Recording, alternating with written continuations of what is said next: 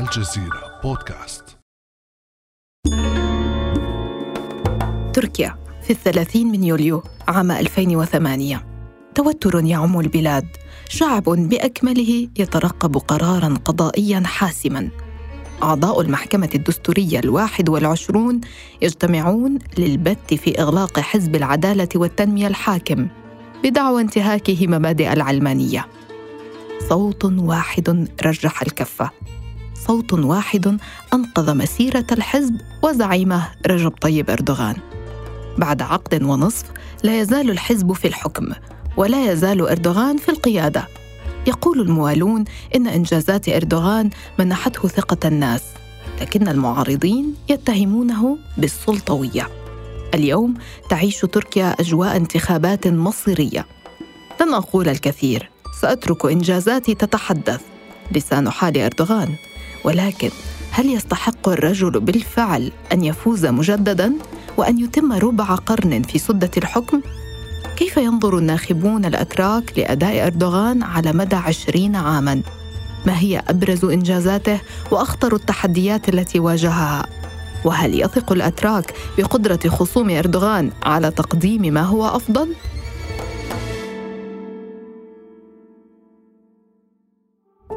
بعد أمس من الجزيرة بودكاست أنا روعة أوجي. يسعدني في هذه الحلقة استضافة محمد شيخ يوسف الكاتب والصحفي التركي. أهلا وسهلا بك محمد. أهلا ومرحبا بك وبالسادة المستمعين.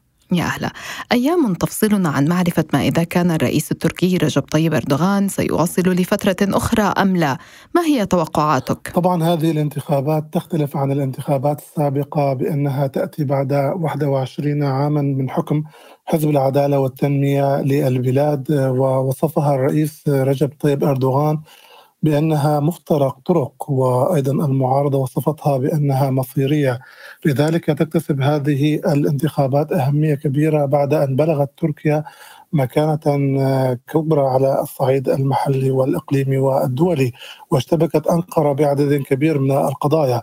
لذلك هذه الانتخابات ستكون مهمة جدا وأعتقد أن الأيام القادمة ستكون يعني ستشهد منافسة حادة.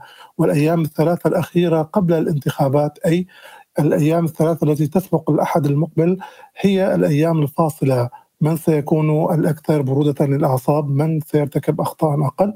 هو الذي سيستطيع أن يحسم هذه الانتخابات. يعني كما قلت استطلاعات الرأي ما زالت تشير إلى يعني تنافس محتدم، يعني إذا قرأناها بطريقة أخرى يعني ما زال أردوغان يحظى بتأييد واسع في الشارع التركي رغم مضي عشرين عاما على وصوله للسلطة هلا أردوغان وأنصاره يقولون أن إنجازاته هي السبب هل الأمر كذلك بالفعل؟ طبعا يعني أردوغان خلال مسيرة حكمه التي امتدت كل هذه السنوات استطاع أن يقدم للشعب إنجازات عديدة سواء على صعيد الاقتصاد أو على صعيد التعليم أو السياحة أو السياسة الخارجية أو السياسات الدفاعية آه، قدم إنجازات كبيرة، الشعب التركي يرى كل هذه الإنجازات وهذه الإنجازات تسجل له.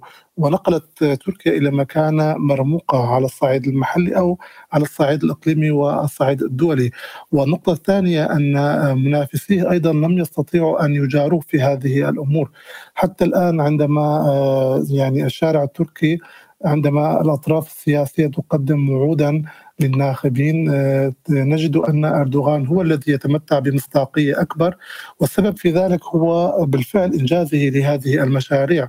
نحن لا نتحدث هنا عن مشاريع عادية هي مشاريع كبرى بالفعل آه، يعني حققت نقلة نوعية سواء على الصعيد الاقتصادي أو على صعيد النقل والمواصلات أو على صعيد التعليم أو على صعيد الصناعات الدفاعية. وأيضا تركيا الآن تعمل فيما في على تعزيز الأمن القومي وهذا ما دفع آه، يعني تركيا لأن تشتبك مع دول الإقليم وأوروبا وأمريكا من أجل تحقيق مصالحها وكل هذا يحظى بتقدير واحترام من قبل الشارع التركي ومن قبل الناخبين. طيب بين واقع تركيا اليوم وبين واقعها قبل وصول العدالة والتنمية إلى الحكم كيف تغيرت تركيا؟ طبعا يعني آه، تركيا تبدلت بشكل كبير خلال هذه الفترة. يعني إذا تحدثنا يعني على قطاعات عديدة يمكن أن نقول آه، أبرز القطاعات التي حققت فيها العدالة والتنمية قفزات كبيرة هو الاقتصاد الذي آه، تطور ثلاث مرات ونما واحتياطيات المصرف المركزي ارتفعت من 22 مليار دولار إلى أكثر من 122 دولار كانت هناك ديون للمصرف الدولي استطاع آه، إردوغان أن يدفع كل هذه الديون ويحقق الاستقلاليه آه، مجال المواصلات العامة يعني وخطوط النقل كلها حصل فيها نقلة نوعية حوالي 30 ألف كيلومتر من الطرق الحديثة والطرقات السريعة التي تم إنجازها. المطارات ارتفعت من 26 مطارا إلى 56 آه، يعني أيضا المشافي وعددها تطور بشكل كبير. آه، يعني نتحدث عن جامعات ارتفعت من 76 جامعة إلى 207 جامعات في مختلف الولايات التركية. يعني سابقا كنا نشهد هجرة من قبل الطلاب من الولايات الأخرى إلى إسطنبول للدراسة فيها. الآن نجد أن جميع الطلاب يدرسون في ولاياتهم. آه، والجامعات باتت متوفرة في كل مناطق تركيا آه، على الصعيد الرياضي والمنشآت الرياضية كلها ازدادت. يعني ثروات الدولة ازدادت آه، يعني مطارات حديثة طرقات جسور. نحن إذا بدأنا أن نتحدث عن هذه الإنجازات لا يمكن أن نحصرها. حتى يعني في الفترة الأخيرة كان هناك تدشين لمشاريع كبرى. على صعيد المثال كانت أول حاملة طائرات مسيرة آه، سفينة آه، أناضولو التي تم تدشينها. هي أكبر سفينة في الأسطول التركي. سيارة توغ الكهربائية محلية الصنع. كانت أيضا مثار اهتمام آه، لدى الشارع التركي. الصناعات الدفاعية المسيرات الأسلحة كلها ذات بعد استراتيجي وهام لتركيا. مطار اسطنبول الطرق الكبرى الجسور المعلقة كلها إنجازات تحسب لصالح العدالة والتنمية. يعني لكنك تحدثت الآن عن إنجازات داخلية كان هناك أيضا لأردوغان إنجازات كبيرة على مستوى الدبلوماسية وصورة تركيا في الخارج هل هذه الإنجازات حاضرة لدى الناخبين أم أنهم يعني معنيون أكثر بالجوانب الداخلية؟ نعم يعني هو بالتأكيد المواضيع الداخلية هي الأساس والأهم في هذا الإطار لأن الناخبين أو معظم الكتلة الناخبة هي الكتلة المحافظة والكتلة القومية التي تهتم بالأمور القومية والوطنية. ولكن ال ال يعني المسائل الخارجية مهمة لأنها تكسب تركيا أهمية استراتيجية وبعدا كبيرا. يعني على سبيل المثال مسألة آه، تصدير آه، الحبوب الأوكرانية عبر معبر الحبوب آه، من خلال يعني مضيق البوسفور. هذه الاتفاقية والجهود التي قامت بها الحكومة التركية والرئيس أردوغان لقيت اهتماما كبيرا من قبل المواطنين الأتراك ويعني خلال اليومين المقبلين قد نشهد اجتماعا اخرا في إسطنبول لتمديد آلية هذا الاجتماع وهو أيضا سينعكس بشكل إيجابي آه، على الناخبين ويرى مكانة تركيا وتطورها. أيضا مكانة تركيا في حلف الناتو وأهمية قرارها فيما يتعلق بانضمام السويد وفنلندا إلى الحلف ويعني آه، محاورة تركيا للدول الغربية وعلى رأسها أمريكا في هذا الخصوص. يحظى باهتمام كبير. آه، مواقف تركيا مع الاتحاد الأوروبي في شرق المتوسط فيما يتعلق باقتسام الثروات هناك ويعني آه، الموقف من ما يسميه الأتراك الوطن الأزرق لشرق المتوسط. أيضا تلقى اهتماما كبيرا من قبل الناخبين آه، مناطق المنطقة يعني في العراق في سوريا العلاقة مع الدول العربية مع دول العالم. كلها أيضا تحظى باهتمام وأهمية كبيرة والناخبين يرونها. وبالتأكيد سيكون لها انعكاسات آه، على صناديق الاقتراع. طيب في مقابل الإنجازات آه، هناك تحديات كبيرة واجهت تركيا خلال السنوات الماضية أهمها الوضع الاقتصادي استطلاعات الرأي تشير إلى أن الاقتصاد هو الهم الأكبر لدى الناخبين، إلى أي مدى يتحمل إردوغان المسؤولية عن ذلك؟ آه، طبعا آه، التحديات كبيرة التي تواجه الرئيس أردوغان آه، منها الوضع الاقتصادي لأنه ينعكس بشكل كبير على جيوب الناخبين وعلى وضعهم المعيشي. الأزمات الاقتصادية التي حصلت في تركيا هي جزء من الأزمات العالمية التي حصلت في العالم مؤخرا. يعني بعد فترة جائحة كورونا والتباطؤ في النمو وتوقف عجلة الإنتاج والأزمات في سلاسل التوريد كلها أدت إلى ارتفاع التضخم بشكل كبير. رافق ذلك ارتفاع في أسعار الطاقة، تركيا أيضا عانت من هذا الأمر لأنها تستورد الطاقة بشكل شبه كامل آه، يعني بسبب استيرادها للنفط والغاز واعتماد عجلة الاقتصاد عليها والإنتاج. وأيضا تراجع سعر صرف الليرة التركية أيضا إلى أدى إلى هذا الأمر. آه، يعني بالتأكيد هذه الأمور قد تنعكس على الناخبين ووجدت المعارضة ميدانا للهجوم على الرئيس أردوغان آه، خاصة أن الإنجازات التي تحدثنا عنها كلها أوصلت البلاد إلى مستوى جيد من الرفاهية. آه، لكن يعني هناك شريحة كبيرة من الناخبين تدرك أنها هذه الأمور هي أمور مؤقتة وهي أمور عالمية. يعني ألمانيا شهدتها الولايات المتحدة شهدتها دول عديدة أيضا تعاني من التضخم ولجأت يعني مصارفها المركزية لرفع أسعار الفوائد. آه، فتدرك أهمية آه، أن الوضع هو وضع عالمي وليس خاص بتركيا وأن أردوغان يسعى لذلك يعني. لذلك أيضا المعارضة التركية يعني لا تركز فقط على الاقتصاد. هي تقول إن ما يجمعها اليوم ضد أردوغان هو الخوف على مستقبل الديمقراطية والرغبة باستعادة النظام البرلماني. إلى أي مدى برأيك يرى الناخبون بأن هذه مشكلة حقيقية وأن أردوغان هو المتسبب بها؟ آه، يعني المعارضة تلجأ لهذا الخطاب بهدف الضغط الضغط على الحكومة وليس بهدف يعني أن الأمور هكذا.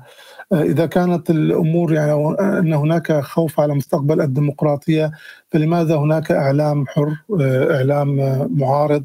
لماذا المعارضة تستطيع أن تقوم بدعايتها الانتخابية في كل مكان؟ يعني القضايا التي حصلت مع بعض الصحفيين سابقا آه، وتم الاستشهاد بها فيما يتعلق بالحريات والديمقراطية.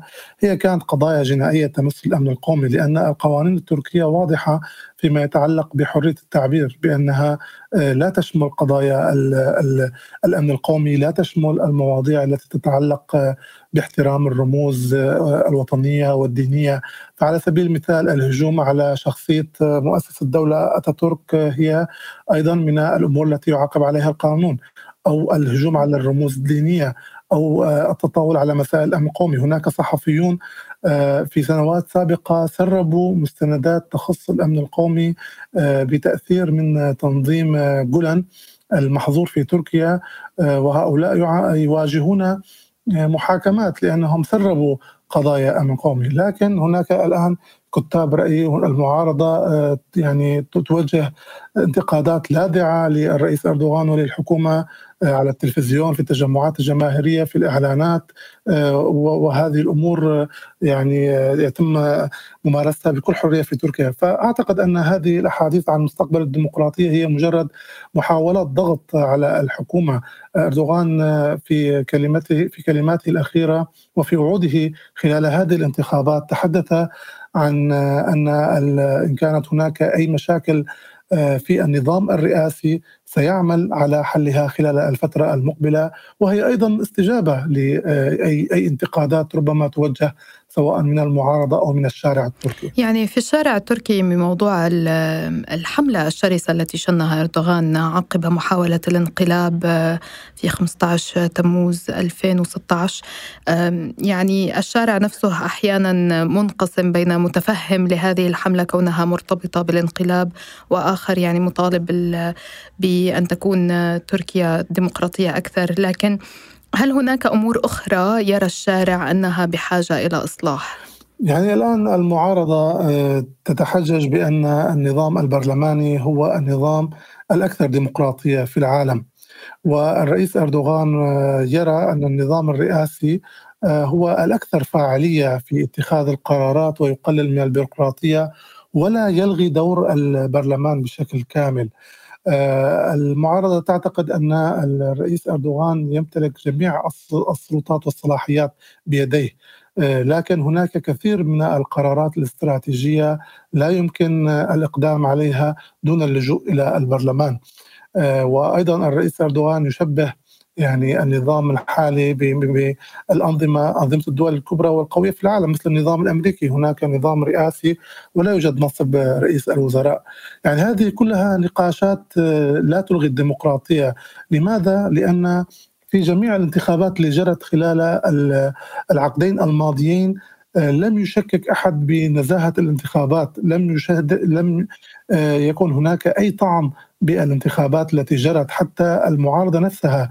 وفي ليلة الانقلاب التي جرت في 2016 كان هناك هجوم كبير من قبل الشعب للدفاع عن الديمقراطية والإرادة الشعبية وحكم الرئيس أردوغان لأنه جاء عبر الانتخابات. آه، وكانت هناك شخصيات أيضا في المعارضة آه، دافعت عن الرئيس أردوغان، اذا يعني لا قلق على الديمقراطية وعلى الانتخابات وعلى الحرية هنا، آه، المشاكل التي يتم الحديث عنها ربما تتعلق بفقط يعني أمور ربما تعيق تطبيق بعض الأمور في الدولة وإدارة الحكم بين السلطات ربما تحتاج إلى مزيد من التشريعات لآلية عمل أفضل وهو الأمر الذي وعد به أردوغان في المستقبل.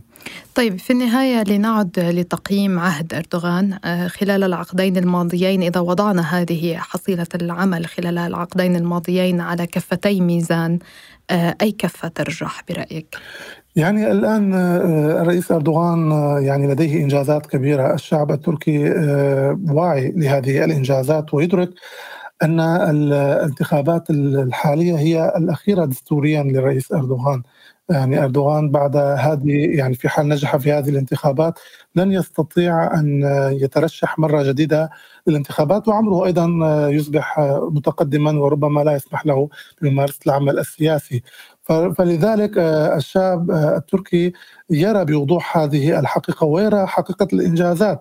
وانعكاس ذلك بدأ يظهر واضحا في التجمعات الانتخابية. يعني حتى الرئيس أردوغان والحكومة لم تكن آه، تتوقع ومتفائلة بأن يحضر أكثر من مليون وسبعمائة ألف مواطن تركي للتجمع الذي حصل في إسطنبول التجمع الانتخابي الذي حصل قبل أيام. هو تجمع أدهش يعني المعارضة أدهش الحكومة أدهش جميع المراقبين. المعارضة قبلها بيوم واحد فقط آه، استطاعت تجميع قرابة 200 ألف آه، من من مؤيديها في إسطنبول أيضا. يعني هناك فرق كبير. هذا الفرق يظهر بالفعل أن الرئيس أردوغان وإنجازاته تلقى قبولا من قبل الشارع التركي وتحظى باحترام وأهمية كبيرة.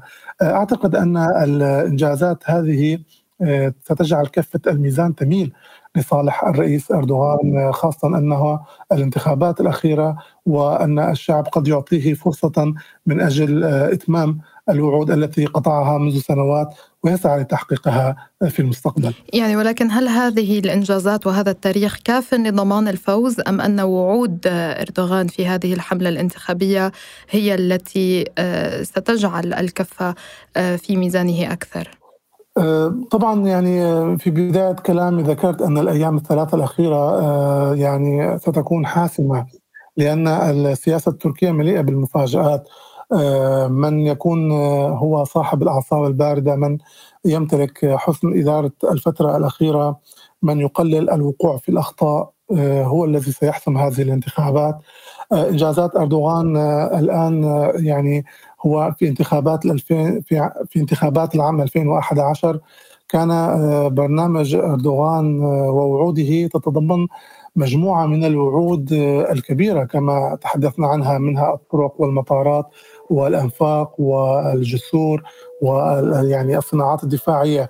الآن عندما وصلنا إلى العام 2023 نجد أن كل ما تحدث عنه في تلك الوعود تحققت. اليوم أردوغان وعودا جديدة. يتحدث عن زيادة آه، يعني تحقيق أرقام كبيرة في مسألة آه، التصدير. يعني يريد زيادة الدخل القومي لتصل إلى أكثر من 2 تريليون دولار.